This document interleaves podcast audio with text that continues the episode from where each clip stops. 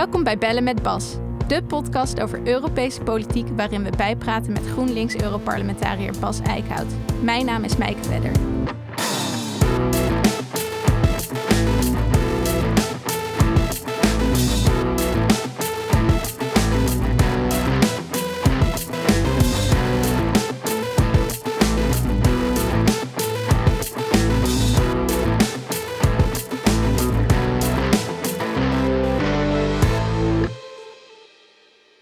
Is weer een hoop gebeurd in Brussel de afgelopen weken. Uh, de EU-landen moesten hun herstelplan indienen om geld te krijgen uit het corona-herstelfonds. Nederland besloot echter nog geen plannen in te dienen. Dus we bespreken wat dit betekent. Uh, en we moeten het hebben over de Tsjechische premier Babic. Hij is naast premier ook een van de rijkste mensen van Tsjechië en wordt beschuldigd van belangenverstrengeling bij de verdeling van EU-subsidies. Kortom, er is weer genoeg over bij te praten en dat doe ik weer met Bas. Hallo Bas. Dag Maaike, goeiedag. Hoi, hoe is het?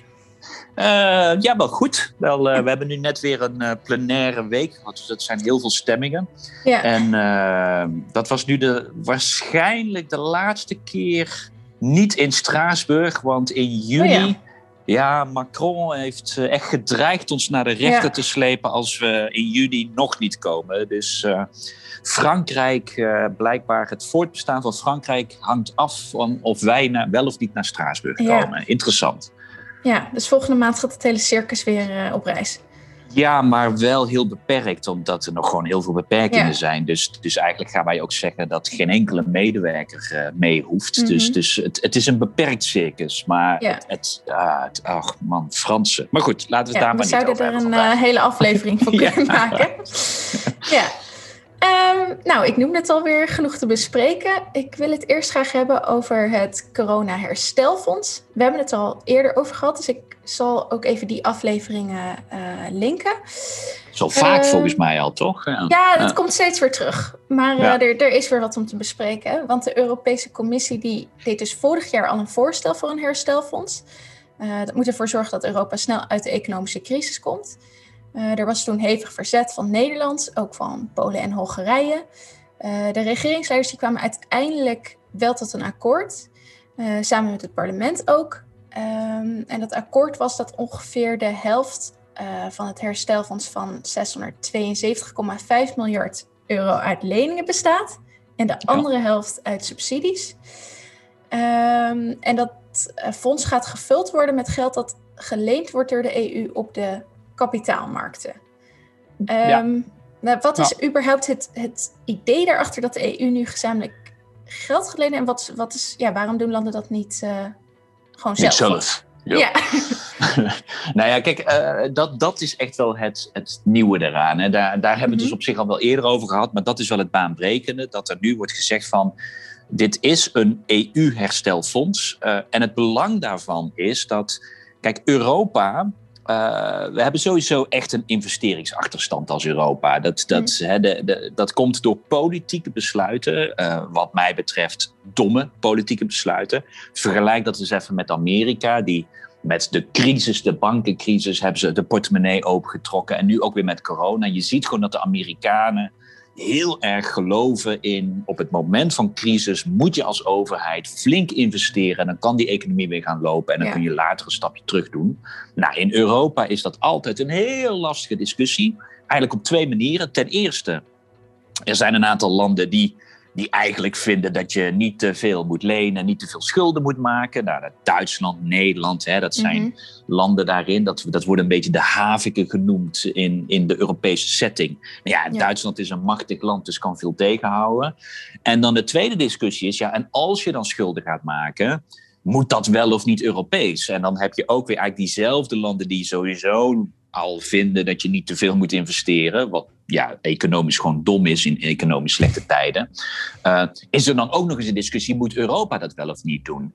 En, ja. en dat is natuurlijk een beetje een, een luie discussie van Nederland en Duitsland, want zij hebben iets meer mogelijkheden zelf, dus zo'n Europees fonds klopt, is minder nodig voor Duitsland en Nederland. Die kunnen redelijk goedkoop zelf wel op de markt geld lenen. Ja. Maar kijk naar Zuid-Europese landen, hè, die hebben een eurocrisis gehad, komen daar hortend en stotend uit. Onder andere dus door slecht beleid uh, is die crisis verdiept, heel veel werkloosheid. Dus die landen hebben het zwaar. En dan komt daar die coronacrisis overheen. Ja, die heeft gewoon onevenredig hard neergeslagen op landen als Spanje en Italië. Ja, dan, dan kun je wel zeggen, nou doe het zelf maar. Maar ze hebben die mogelijkheid eigenlijk, eigenlijk niet. En als je dan een te grote kloof gaat creëren tussen Noord en Zuid ja, dan gaat het ook weer economische gevolgen hebben voor de hele Unie en voor de hele eurozone. Dus ja, het, het, het was gewoon economisch niet verstandig, maar ook ja, laten we dan Europees, als je tot een fonds komt, kun je ook meer gezamenlijk over je prioriteiten praten. Want anders gaat elk land ieder voor zich iets doen. Wat de investeerders ook weer onzeker maakt, omdat ze liever weten van waar gaat Europa als geheel nu naartoe.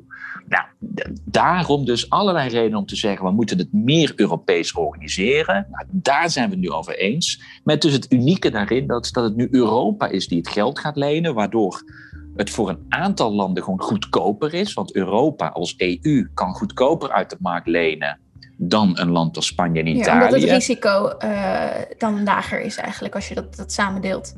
De EU wordt gezien als een betrouwbaar uh, zeg maar, broodmeester. Ja. dus, dus de markt denkt dat, de, e dat als jij geld van de EU benut, dat, dat, je, dat je dat ook, als je het aan de EU leent, zeg maar, dat het ook terugkomt. En dat is natuurlijk, hè, je moet het vergelijken met jij, je hebt, je hebt twee buurmannen, links van jou zit iemand waarvan je weet, nou, die, die, gaan, die, die die, die, gaat het niet terugbetalen. Rechts mhm. van jou iemand, weet je, die, komt, die krijgt het terug met rente. Nou, wie ga je je geld geven? Nou, je rechterbuurman. Nou ja, dat is een beetje ook hoe de markt werkt. Uh, daarom dat men het liever aan Duitsland en Nederland uitleent. Maar ja, die hebben al, hè, dus dat is dat onevenwichtige, die hebben al geen geldtekort en ze kunnen nog eens makkelijker lenen ook. Uh, nou, Europa wordt gezien als ook betrouwbaar en die kan dus nu wat goedkoper lenen en daardoor kunnen uh, landen als Italië en Spanje gewoon daarvan profiteren. Ja. En daar profiteren wij weer van als Nederland. Want als Italië en Spanje gaan investeren en die economie gaat lopen, dan gaan die weer meer producten kopen. En bijna altijd zijn dat producten uit Duitsland en Nederland. Dus hm. dat is het hele punt. Er wordt altijd gedaan in Nederland, oh, we geven geld, hè, geld over de balk. Nee, je doet dat om een economie te stimuleren die dan gaat lopen, waardoor wij weer onze producten kunnen verkopen aan die landen. Ja. Ja, dus het is uit solidariteit, maar uiteindelijk ook wel gewoon beter voor, voor iedereen. Ja, je, het, je kunt het solidariteit noemen, maar het is ook gewoon puur economisch keihard zelfbelang. Ja. Als, je, als, je, als je nadenkt. Maar dat is meestal lastig, omdat in Nederland heel snel het debat gewoon is dat, dat het geld over de balk wordt weggesmeten. Ja, en dat het dan weg is. En dat het dan weg is. Ja. Nou ja, daar moeten we op toezien. Tuurlijk, daar moeten we op toezien. Mhm. Maar uh, ja, daar hebben we nou een beetje een hele Europees construct voor opgericht. Ja, ja.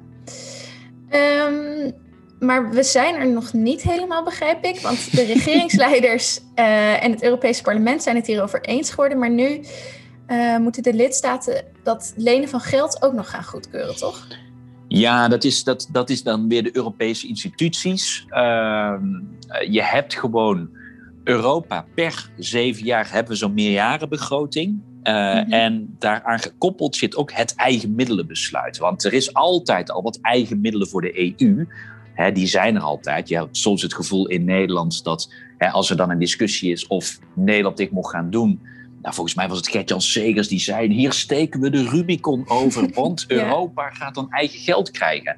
Nou, meneer Segers, Europa heeft al decennia lang eigen geld. Dus die Rubicon is al decennia geleden overgestoken. Ja, want eigen geld betekent dus dat zijn niet afdragen die de lidstaten gewoon doen aan de EU, maar dus eigen inkomsten die de ja, EU en, en bijvoorbeeld, bijvoorbeeld wat we dus al heel veel jaren hebben, is dat een gedeelte van de BTW's direct naar Brussel gaan. Ja. Daar hebben we afspraken over. Dus er zijn al eigen inkomsten. Maar ook bijvoorbeeld als een, als een straf wordt uitgedeeld. Hè, denk aan een een, een, een, staatssteunregeling die oneerlijk was, of er wordt een boete uitgekend, dan, dan soms dan krijgt Europa ook die boetes, heb je ook weer geld. Mhm. dus, dus dat eigen middelen moet per zeven jaar geratificeerd worden uh, door alle landen. Dus elk land moet dat doen.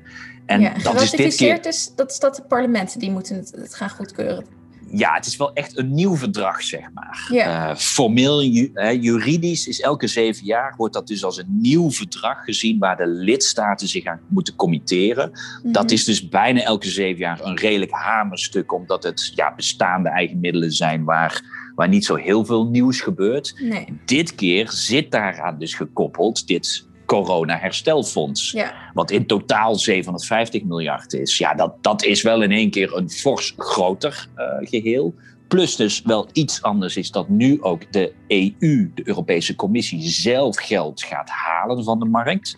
Dus er zitten, het, het, het is in die zin uh, is het een nieuw construct. En daardoor ja, is er wel in elk land wat meer debat over de ratificatie van dit eigenmiddelenbesluit. Ja. Maar we hebben het nodig. We hebben dus 27 handtekeningen nodig. Want pas als die 27 handtekeningen er zijn, dan pas kan de commissie dat geld gaan, gaan lenen van de markt. Ja, en het is nu uh, nog niet iedereen heeft dat dus geratificeerd. Nog vijf landen. Nog okay. vijf landen. Nog vijf landen. Dus, dus de, even teruggerekend, dat betekent dat er 22 handtekeningen zijn. Mhm. We hebben er nog vijf nodig. Ja, en liggen daar nog moeilijkheden? Lijkt niet meer. Uh, er was natuurlijk een hele spannende, dat was Finland. Mhm. Uh, dat, werd bijna. Afgelopen week. Ja, die hebben afgelopen week hun uh, handtekening gezet. Dat werd bijna een regeringscrisis in Finland omdat een van de coalitiepartijen, uh, de, de Liberalen, de Centerpartij. Uh, en het is in, in Finland is een regering van Sociaaldemocraten, Groenen en Liberalen, zeg maar. Mhm.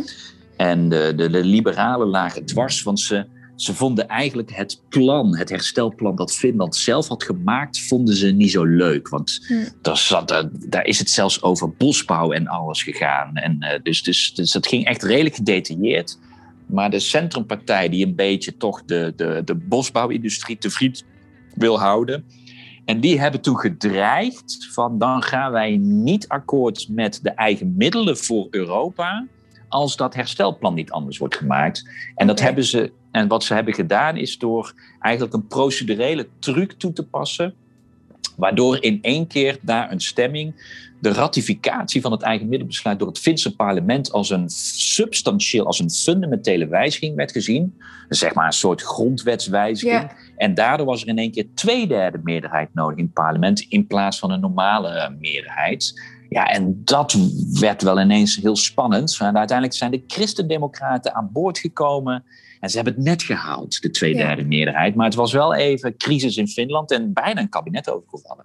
Nou, en, en ook bijna een crisis voor Europa lijkt me. Want als, als Finland het niet had goedgekeurd, dan had, was dat geld lenen dus niet doorgegaan. Ja, dan, dan, dan had je weer een vervelende discussie gehad, omdat heel Europa op dat geld zit te wachten. En natuurlijk met name Zuid-Europa. Ja, Ja, dan, dan krijg je weer ja, de typische spanningen tussen een nationale discussie en een Europese discussie. Dus eh, ehm, ja, niemand zat, eh, zich, zat zeg maar uit te kijken naar wederom zo'n complex iets. Maar het is gelukkig Nee. dus niet nodig. Maar Finland was denk ik wel het meest spannende. Ja, in Duitsland was het ook nog even spannend, toch? Want daar lag het zelfs bij het grondwettelijk hof. Ja, het befaamde constitutionele hof in, Mhm. in, in, in Karlsruhe. Mhm. Eh, nou, dit is eigenlijk, het begint bijna een beetje een soort traditie te worden. Dat bij elke ja, toch koerswijziging van Europa, waarin er eh, gekeken wordt naar eh, ja, toch verdere, verdere mogelijkheden voor de EU.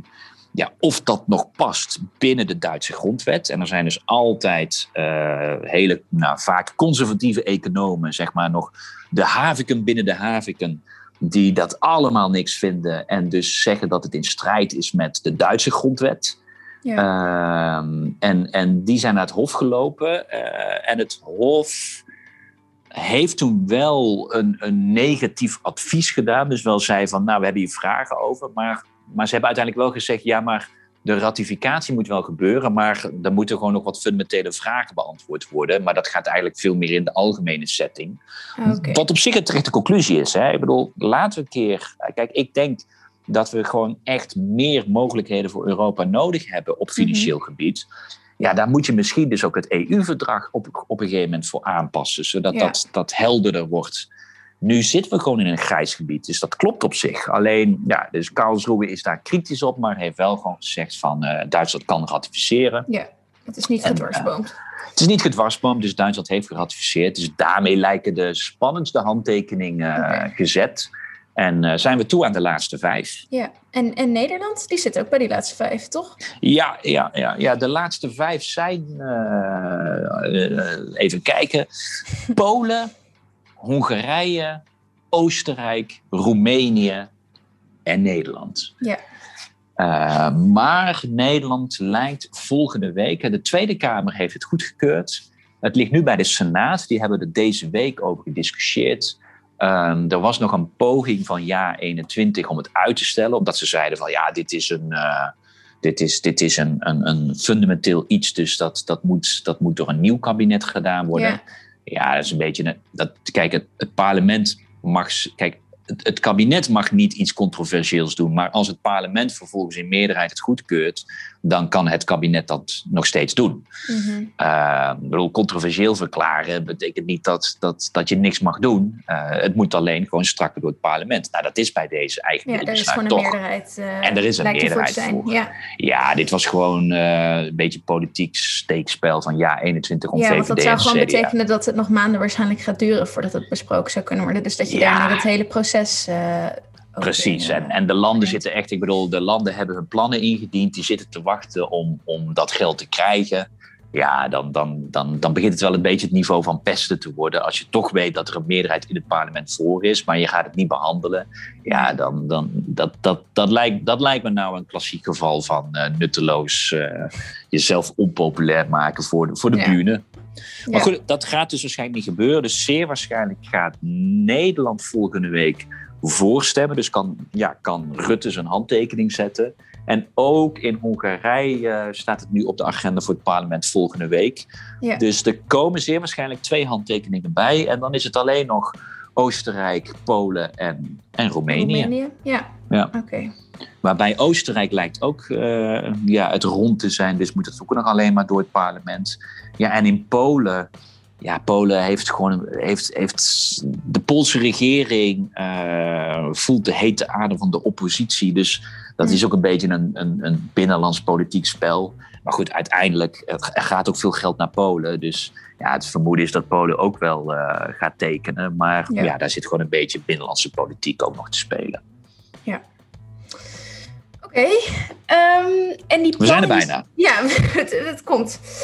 Um, want die plannen die moesten al ingediend worden. Dat zijn dus de nationale herstelplannen.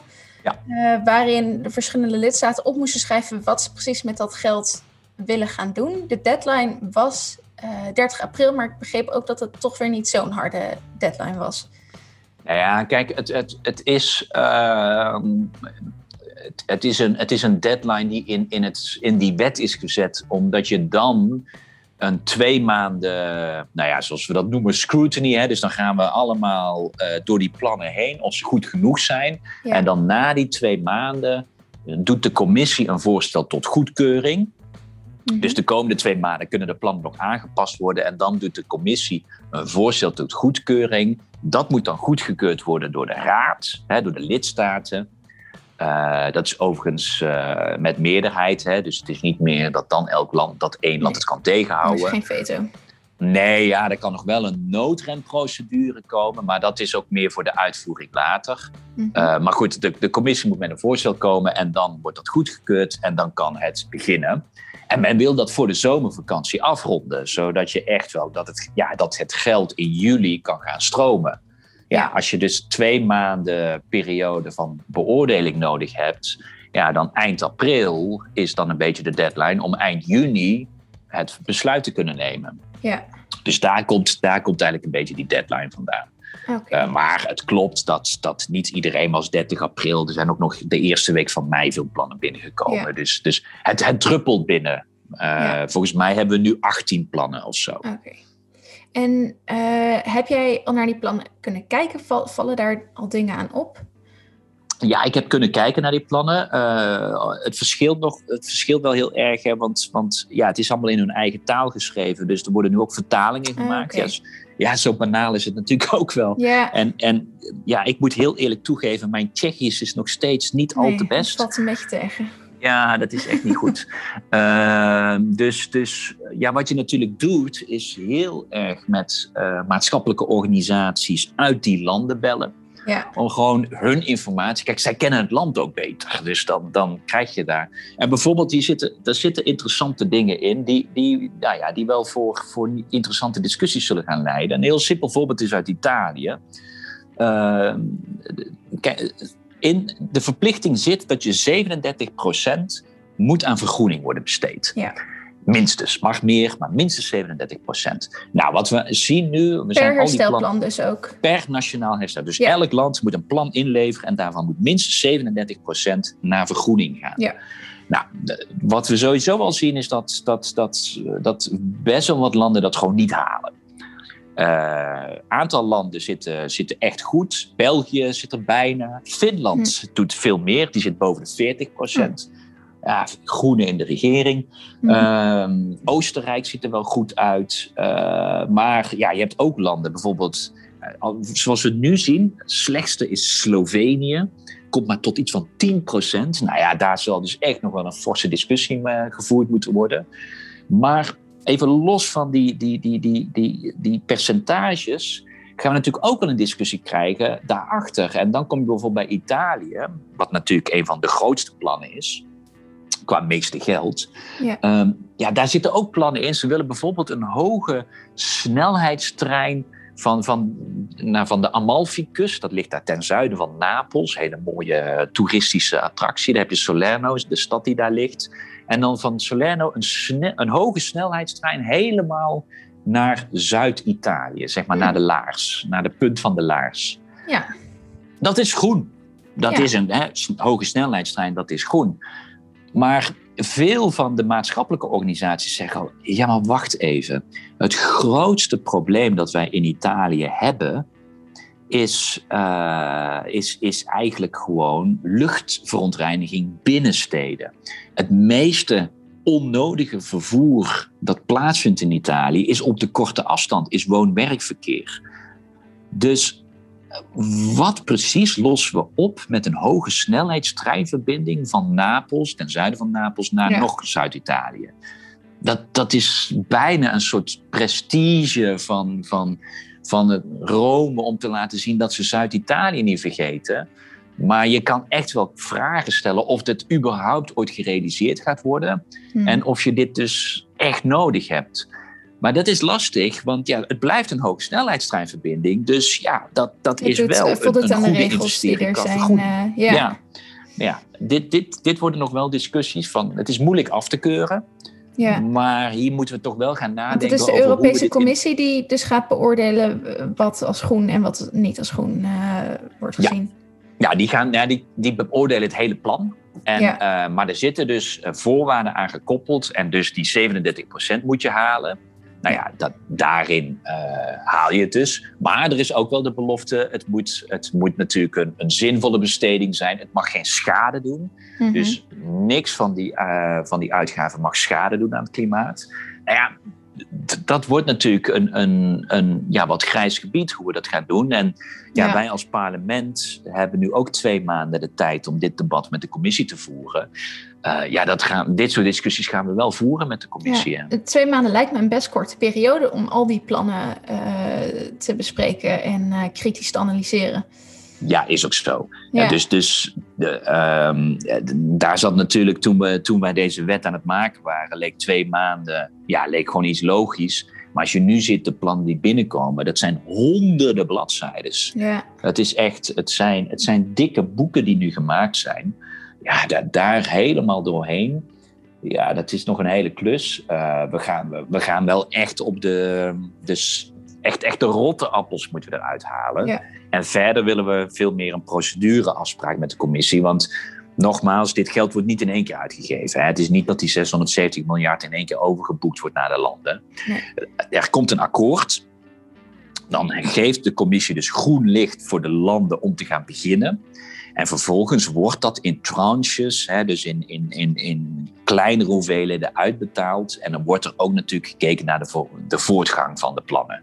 En of, die, of die bestedingen goed gaan. Dus, dus het ja, is dus wel als later daarna, in het proces blijkt dat het toch niet goed gaat, dan, eh, dan kan er dan, dan kan de commissie uh, zeggen: sorry, dan stoppen we nu met onze betalingen, want dit gaat niet de goede kant op. Dus er zijn in die zin, het is niet in één keer weg. Maar ja, dit is natuurlijk wel een moment waarop je echt de rotte appels eruit moet Mhm. halen.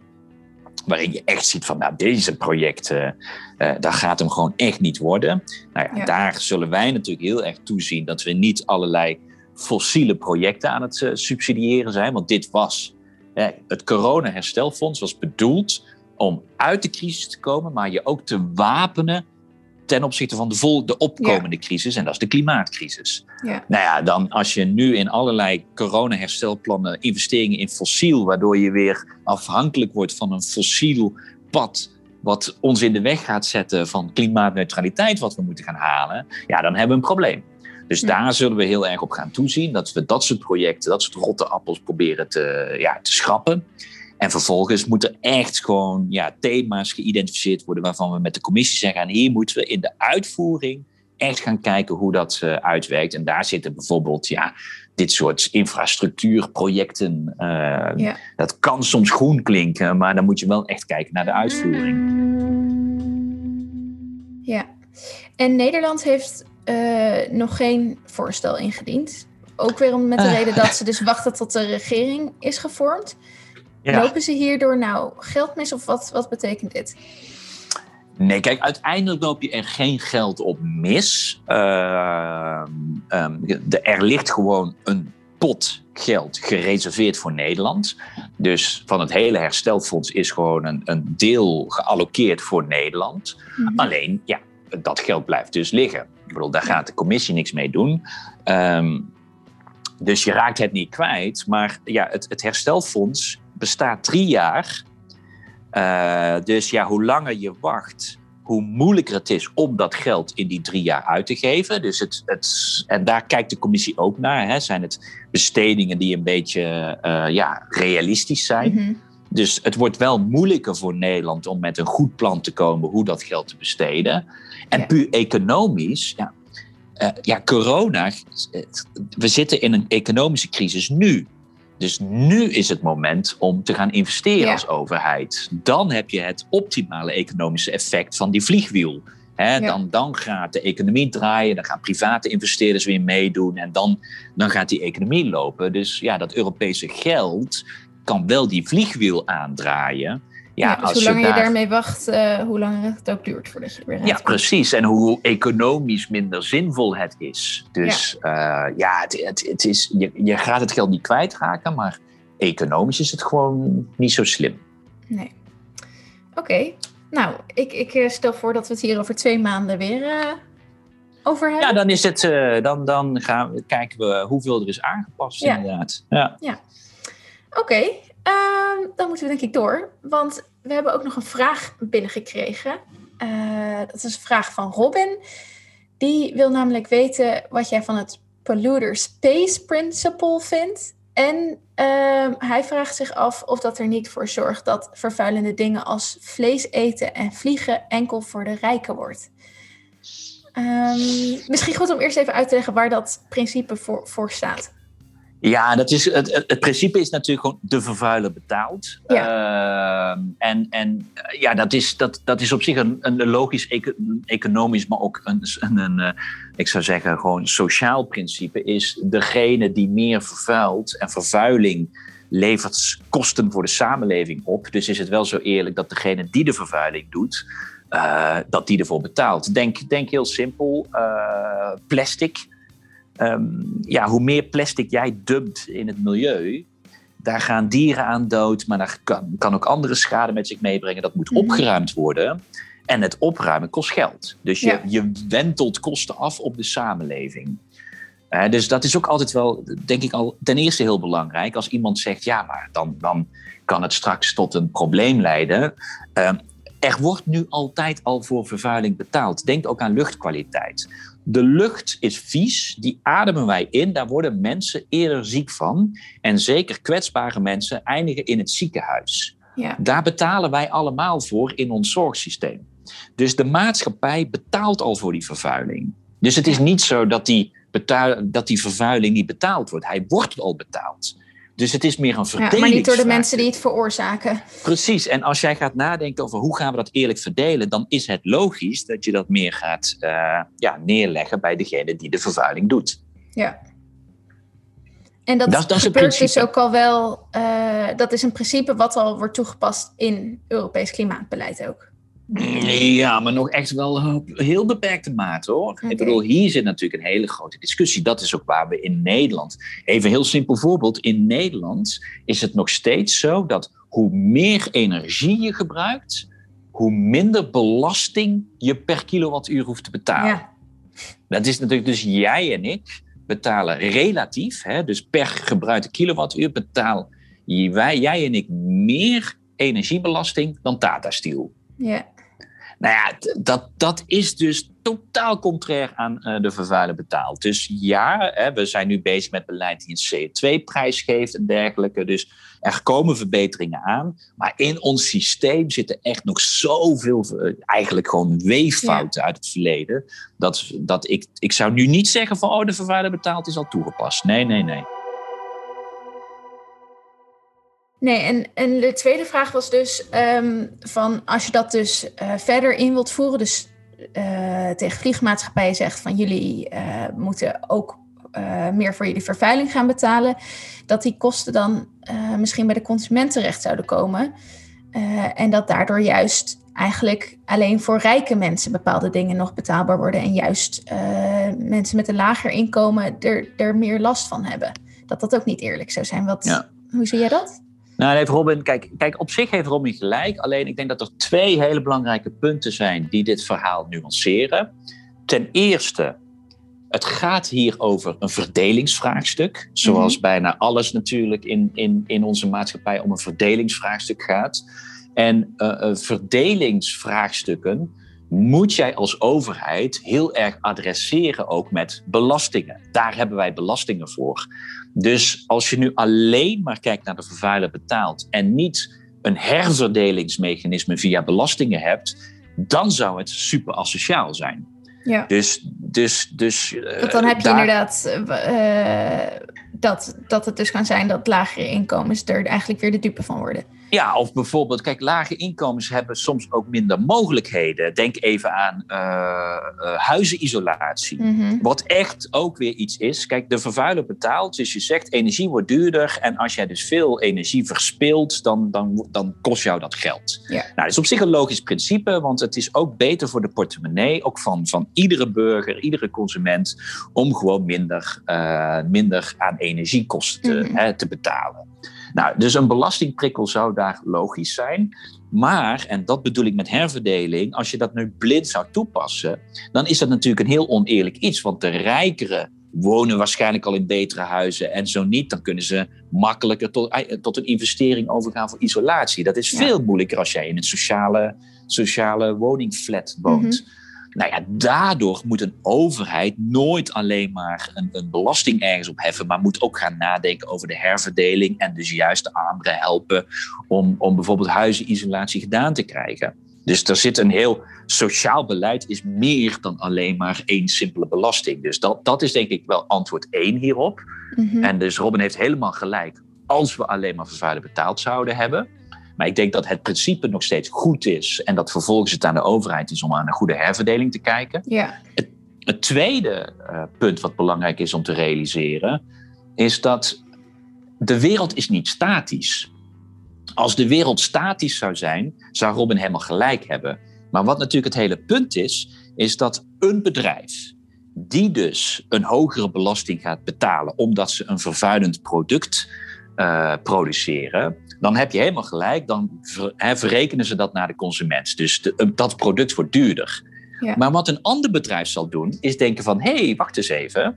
Maar wat nou als ik een schonere productie ga gebruiken om dat product te maken? Ik ga een alternatief creëren dat op een andere manier geproduceerd wordt... en dus goedkoper omdat daar minder vervuiling aan ten grondslag ligt. Ja. Dus op de markt gaat op een gegeven moment de consument alternatieven zien die goedkoper zijn. En dan kun jij dus wel degelijk nog gebruik maken van diensten die goedkoper worden, omdat er schonere alternatieven komen. En dat is natuurlijk de prikkel die ook zo'n belasting doet. Je gaat alternatieven creëren die schoner zijn. Even naar de luchtvaart. Dit kan natuurlijk niet als jij elke dag wil gaan vliegen naar Thailand. Ja, dan gaat dat op een gegeven moment een, eh, tegen een grens aanlopen. Dus dit, dit heeft zijn grenzen. Maar het grootste probleem zijn de reizen binnen Europa. Er wordt nog heel veel gevlogen van Amsterdam naar Parijs. Ja. Omdat dat zo goedkoop is. Terwijl daar is eigenlijk al een alternatief. Nou, stel je voor dat je dus vervuiler betaald gaat toepassen in transport. Dan wordt inderdaad de vlucht naar Parijs duurder. Als we nu nou eens ook nog eens die investeringen gaan gebruiken voor nog betere treinverbindingen, snelle treinverbindingen. Nou, dus wel tussen steden waarin dat nodig is. Misschien dus niet in Zuid-Italië, vraagteken. Ehm, maar dan heb je een alternatief en kunnen, kun je wel denken nog steeds naar Parijs, maar op een andere manier die schoner is en dus eigenlijk ook goedkoper. Dus die innovatie wordt ook gestimuleerd en je wil juist de schone innovatie stimuleren. En dat doe je ook met een vervaarder betaalprincipe. Dus de wereld is niet statisch, gelukkig. Nee. En, en eh, niet iedereen gaat er inderdaad op achteruit. Sommige dingen gaan er weer op vooruit, dus goed, worden goedkoper.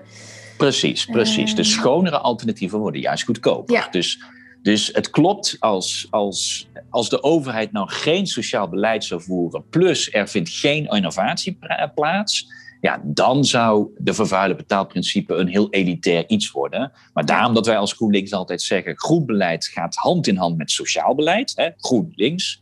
Uh, en gelukkig, uh, de wereld is niet statisch. Oké, duidelijk. Uh, Robin, ik hoop dat het je, je vraag beantwoordt. Um, en dan is er nog één ding waar ik het over wil hebben. Dat is Tsjechië, de premier daar. Ik zei het al, Babic. Uh, het was niet de eerste keer uh, dat hij onderwerp van gesprek was in het Europese parlement. Er was namelijk een debat afgelopen week. Maar wat is daar ja. aan vooraf gegaan? Nou ja, Babic is... Uh, ja, het, het, het, het is eigenlijk je kan hem heel erg vergelijken met Trump. Ik bedoel, uh, hij is niet zo mafketelig als Trump. Maar het, was gewoon, het is gewoon een ondernemer. Uh, een van de rijkste, misschien wel de rijkste man van Tsjechië. Dat weet ik niet. Maar hij wel zeker. Ja, ik, ik las, hij was eerst de tweede rijkste man. Nu is hij de vierde rijkste man. Ah, oké. Okay, het gaat slecht. ja. Maar goed, uh, veel van zijn vrienden zijn wel, zitten in die top vijf ook. Dus het is wel echt een heel klein netwerkje in Tsjechië. Ja. Die heel veel bedrijven in de hand hebben. Uh, dus het is, het is echt een, een nou ja, de, de, laten we gewoon, hè, laten we het beestje bij de naam noemen. Dit is echt, het is corrupt. Het land is corrupt. En Babis is een van de machtigste en rijkste mannen al voordat hij premier is geworden. En hij is premier geworden. En daar zijn natuurlijk al heel veel vragen over gesteld, uh, omdat hij zeer waarschijnlijk, althans dat waren waarom de debatten uh, werden gevoerd. Hij heeft gewoon Europese fondsen gebruikt om zijn eigen bedrijven te subsidiëren. Ja, en dat is natuurlijk op een gegeven moment, als jij premier wordt, moet jij eigenlijk je banden snijden met je, met je bedrijven. Nou ja, dan, en dan kom je dus in allerlei constructies die er gevormd zijn, waardoor de band niet meer heel letterlijk één op één is. Maar uiteindelijk blijkt gewoon dat, dat ja, Babis uh, gewoon geld verdient met Europese fondsen. En dat is gewoon belangenverstrengeling. Corruptie. Ja. Ja, want dat, er waren al eerder beschuldigingen van, maar nu heeft de Europese Commissie uh, volgens mij een audit uit laten voeren waarin ja. inderdaad weer wordt bevestigd van dat hij wel degelijk nog belangen heeft uh, in die bedrijven die... Ja, dat zijn kunstmestbedrijven, denk ik. Dus ook heel veel ja. landbouwsubsidies. Overigens interessant, want Babis is van de liberale fractie, hè? Dus je hebt ook Tsjechische uh, Europarlementariërs in de Renew-fractie, dus waar D66 en VVD zitten. En D66 en VVD leek het een goed idee om de woordvoerder op landbouwbeleid een Tsjech van de Babis-partij te laten zijn. Ja. De Babis-partij die dus geld verdient aan de Europese landbouwfondsen. En de Renew-fractie dacht dat het slim was om een Tsjech ook hoofdwoordvoerder op landbouwhervorming te maken. Drie keer raden waarom de Renew-fractie zo conservatief in deze hervorming zit. Ja. Het is echt dat je denkt. Maakt het anders, ook een stuk schimmiger eigenlijk. Oh ja, maar hier zit Renew ook echt wel, uh, nou ja, uh, in de problemen zou ik zeggen. Ja, want dat, dat wou ik je inderdaad vragen. Hoe, hoe reageren de fractiegenoten in het Europees Parlement hierop? Maar dat, dat is dus. Uh, ongemakkelijk. Niet te kritisch, ja. Nee, ja, zij, wil, zij wilde dit debat ook niet. Dus Renew, dan zie je dus, dat is ook wel weer grappig. Ik bedoel, met name, dit lijkt me heel pijnlijk voor D66 uh, toch met mm. name. Uh, D66 heeft een grote mond, zeker in het Europees parlement, als het over Hongarije gaat, als het over Polen gaat, als het over Roemenië gaat, als het over Malta gaat. Allemaal terecht. En dan Tsjechië, bom, tidom, tidom, ja. tidom. Ja, en dan denk je, kom op jongens. Het is zo duidelijk. Ja, we hebben heel veel problemen in Europa met een aantal landen. Heel goed dat wij als Europees parlement daar scherp op zijn. Maar kom op, kijk dan ook gewoon naar je eigen land. Ja. En Tsjechië, jullie hebben nu helaas, en jullie wilden groot worden. Ik bedoel, dit was gewoon de fractie die zoveel mogelijk leden wilde hebben. En de Renew-partij heeft de Babiš-partij omarmd. Ja, en zit nu gewoon met, ja, zit gewoon met een, met een met een corrupte partij in, in haar midden. En ja, dan, dan zie je in één keer dat ze toch moeilijker over Tsjechië praten. Ja, en, en wat kan het uh, Europees Parlement nu, nu eisen eigenlijk? Of wat, wat kan hier aan gedaan worden door de EU? Nou, sowieso. Uh, kijk, dit, dit, dit onderzoek uh, dat dus laat zien dat, dat er inderdaad belangenverstrengeling was. Nou, dat betekent dat, dat die ontvangen subsidies terugbetaald moeten gaan worden. Ja.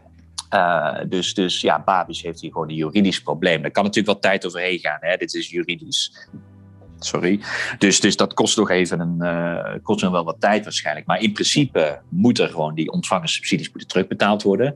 Maar we hebben natuurlijk een wat structurele probleem in Tsjechië. En uh, nou ja, wij als parlement kunnen natuurlijk ook en dat, dat, dat stellen wij in ieder geval voor, dat we ook veel meer zeg maar, maatregelen gaan nemen. Dat, dat je eigenlijk Tsjechië in een soort, ja, in een soort, soort, soort wachtkamer zet. Dat bij toekomstige uitbetalingen echt veel meer aantoonbaar moet vooraf dat hier geen belangenverstrengeling plaatsvindt. Dus, ja, want ook als dat uh, geld wat ze nu hebben ontvangen, als ze dat terugbetalen, dat wil natuurlijk niet zeggen dat er inderdaad uh, in het vervolg niet weer hetzelfde gebeurt als er niks verandert aan de. Ja, ja nog, nogmaals, kijk, Babis gaat ongetwijfeld dan een nieuwe constructie instellen ergens, ja. maar die moeten echt onderzocht worden, want hij blijft gewoon belanghebbende. Het is, ja, Kijk, ik denk gewoon dat, dat, dat Babiš niet houdbaar is. Maar ja, daar gaat Europa niet over. Europa gaat niet over wie uh, de Tsjechen als premier kiezen. En daar zijn de Tsjechen helemaal zelf voor. Maar als je gewoon gaat kijken naar wat Babiš nu al jaren doet, ja, is het gewoon corrupt. En, -hmm. en gelukkig zie je in Tsjechië ook echt wel steeds meer debat daarover. Dus in de peilingen doet de partij van Babiš het ook niet goed. Uh, en er zijn verkiezingen dit najaar. Hè? Dus, ja. dus we hebben het heel vaak over uh, de Duitse verkiezingen. Maar er komen ook Tsjechische verkiezingen aan. Uh -huh. En het zou zomaar eens kunnen dat Babiš die verkiezingen gaat verliezen. En dat de winnaar wordt, en dat is natuurlijk wel weer leuk voor ons, is de Tsjechische Piraten. Die zitten ja. bij ons in de fractie. En de Tsjechische Piraten zijn wel een beetje nou ja, het symbool geworden van de corruptiebestrijding.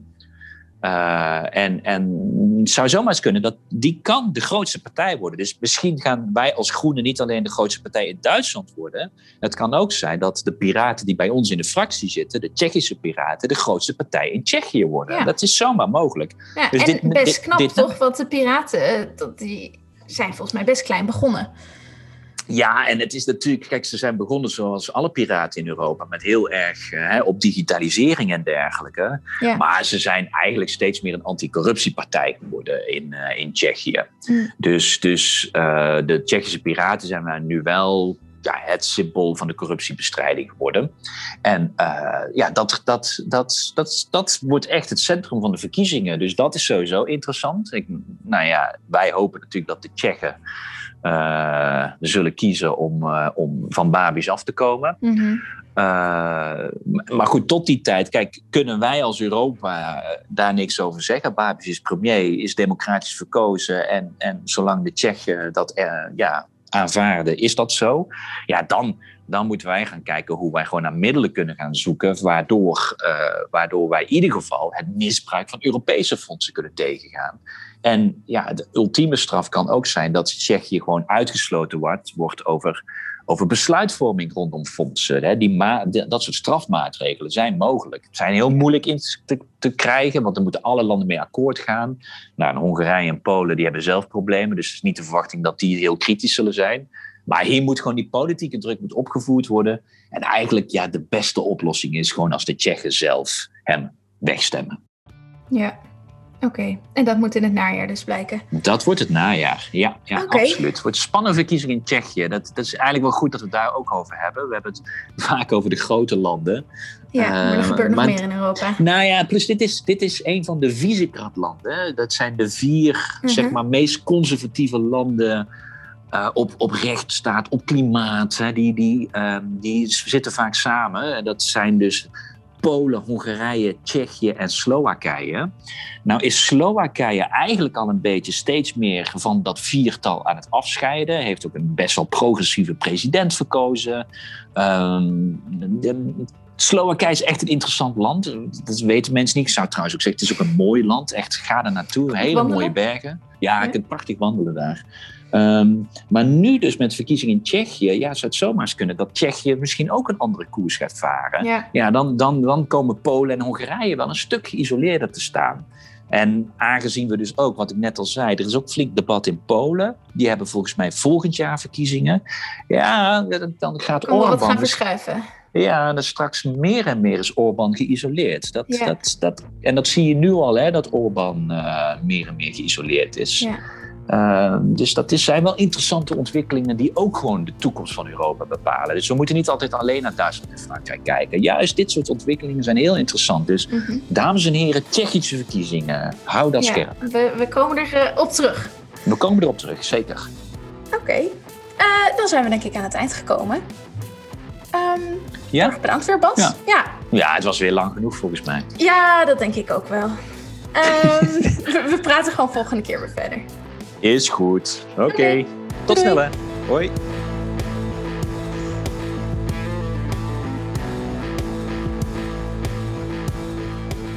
Dit was Bellen met Bas, een podcast van GroenLinks Europa en de Groenen in het Europees Parlement. We horen graag van je. Laat je reactie achter op vriendvandeshow.nl slash bellen met Bas en meld je aan voor onze Europa-update op europa.groenlinks.nl. De audiovormgeving is door Studio Cloak. Tot de volgende keer!